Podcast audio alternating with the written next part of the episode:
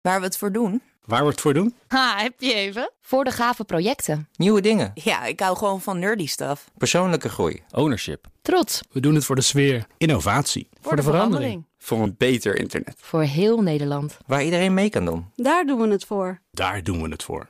Waar doe jij het voor?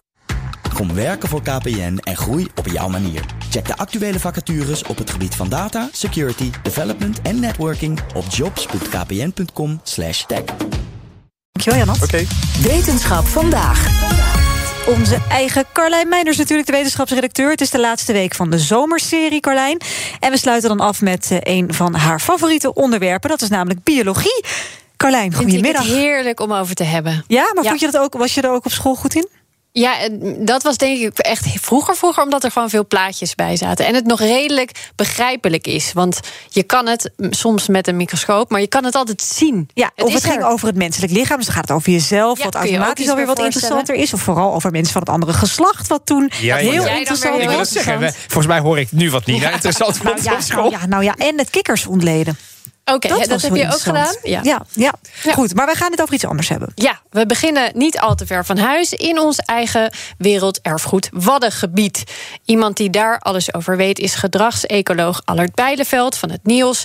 Hij kijkt naar wat dieren beweegt in de Waddenzee. En dan kun je denken aan waar vinden ze bijvoorbeeld hun veiligheid en waar vinden ze hun voedsel bijvoorbeeld. Zelf vindt Bijleveld het het mooiste gebied van de wereld. Wat de Waddenzee zo bijzonder maakt, is dat het echt een kruispunt is is knooppunt uh, voor een heleboel dieren. Dus je hebt de vogels, heel veel steltlopers, die broeden in het hoge noorden. Uh, Siberië, Groenland. En die komen dan naar Europa toe, naar de Waddenzee. En die blijven daar dan de rest van het jaar. En sommige, die vliegen, sommige soorten vliegen ook weer door naar Afrika. En onder water gebeurt eigenlijk hetzelfde. Dan heb je vissen, die komen hier naartoe, in, uh, bijvoorbeeld in de zomermaanden, om te groeien, om te eten. En dan in de wintermaanden gaan ze ook weer weg. naar bijvoorbeeld het kanaal, de zeebaars en harder. En uh, je hebt ook soorten die, gebruiken het als doortrekplaats. Dus uh, zeeforel, die gaat er langs de Waddenzee, door de Waddenzee heen... en gaat dan de zoetwaterrivieren weer op.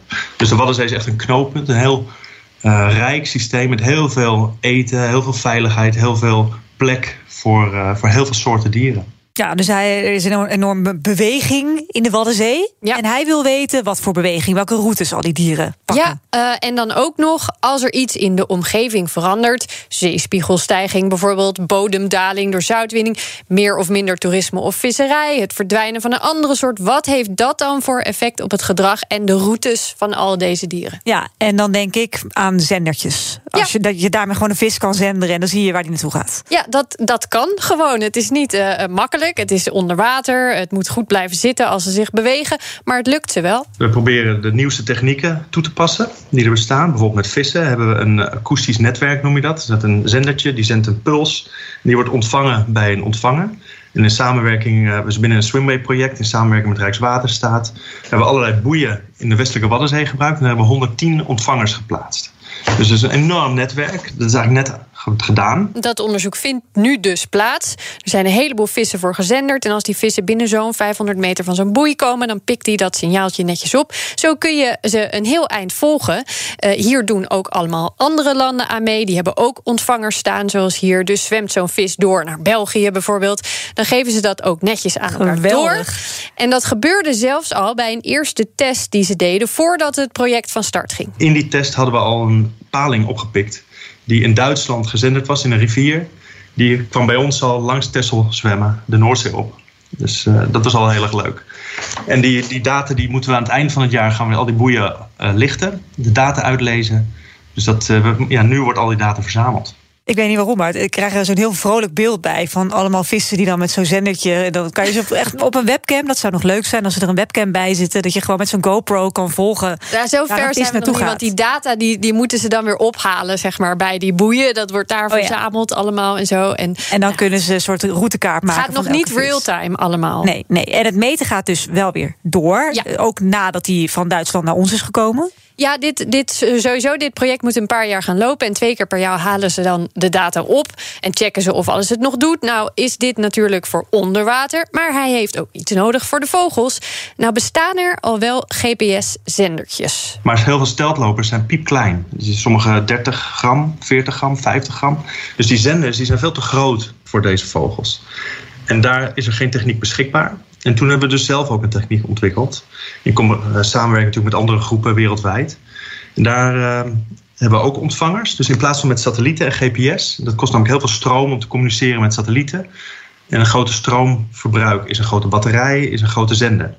Dus hebben we die satellieten hebben wij spreken naar het land gehaald. En hebben 26 ontvangers om het wat en op het wat geplaatst. Die sturen de data live door. En omdat we dat dus uh, gedaan hebben met weinig stroomverbruik, kunnen we een zendertje van 1 gram maken. En daarmee kunnen ze ook hele kleine vogels volgen. We hebben nu tot nu toe ook drie strandlopers gevolgd. En die zijn 50, 60 gram. Dus dan kunnen we van seconde op seconde zien waar die vogels zijn op de watplaten. Ja, dat is echt wel gaaf. Ja, toch? En dan zie je natuurlijk ook wel dingen die je verrassen, die je niet had verwacht. Ja, wat die steltlopers betreft bijvoorbeeld, daarvan werd altijd gedacht, nou ja, vliegen, eh, geldt voor alle vogels, kost veel energie. Dus dit zullen ze wel proberen te beperken als het niet nodig is. Maar wat we zien met die, bijvoorbeeld die drieteen-strandlopers of canoe-strandlopers, dan zien we dat ze binnen 24 uur enorme afstanden afleggen. Dus je zou denken dat ze ergens naar een watplaat gaan en dan weer naar de kust vliegen, weer naar die watplaat heen en weer gaan. Maar uh, we vonden enorme variaties. Sommige kanoeten die legden 50 kilometer af in 24 uur, wat al best aanzienlijk is.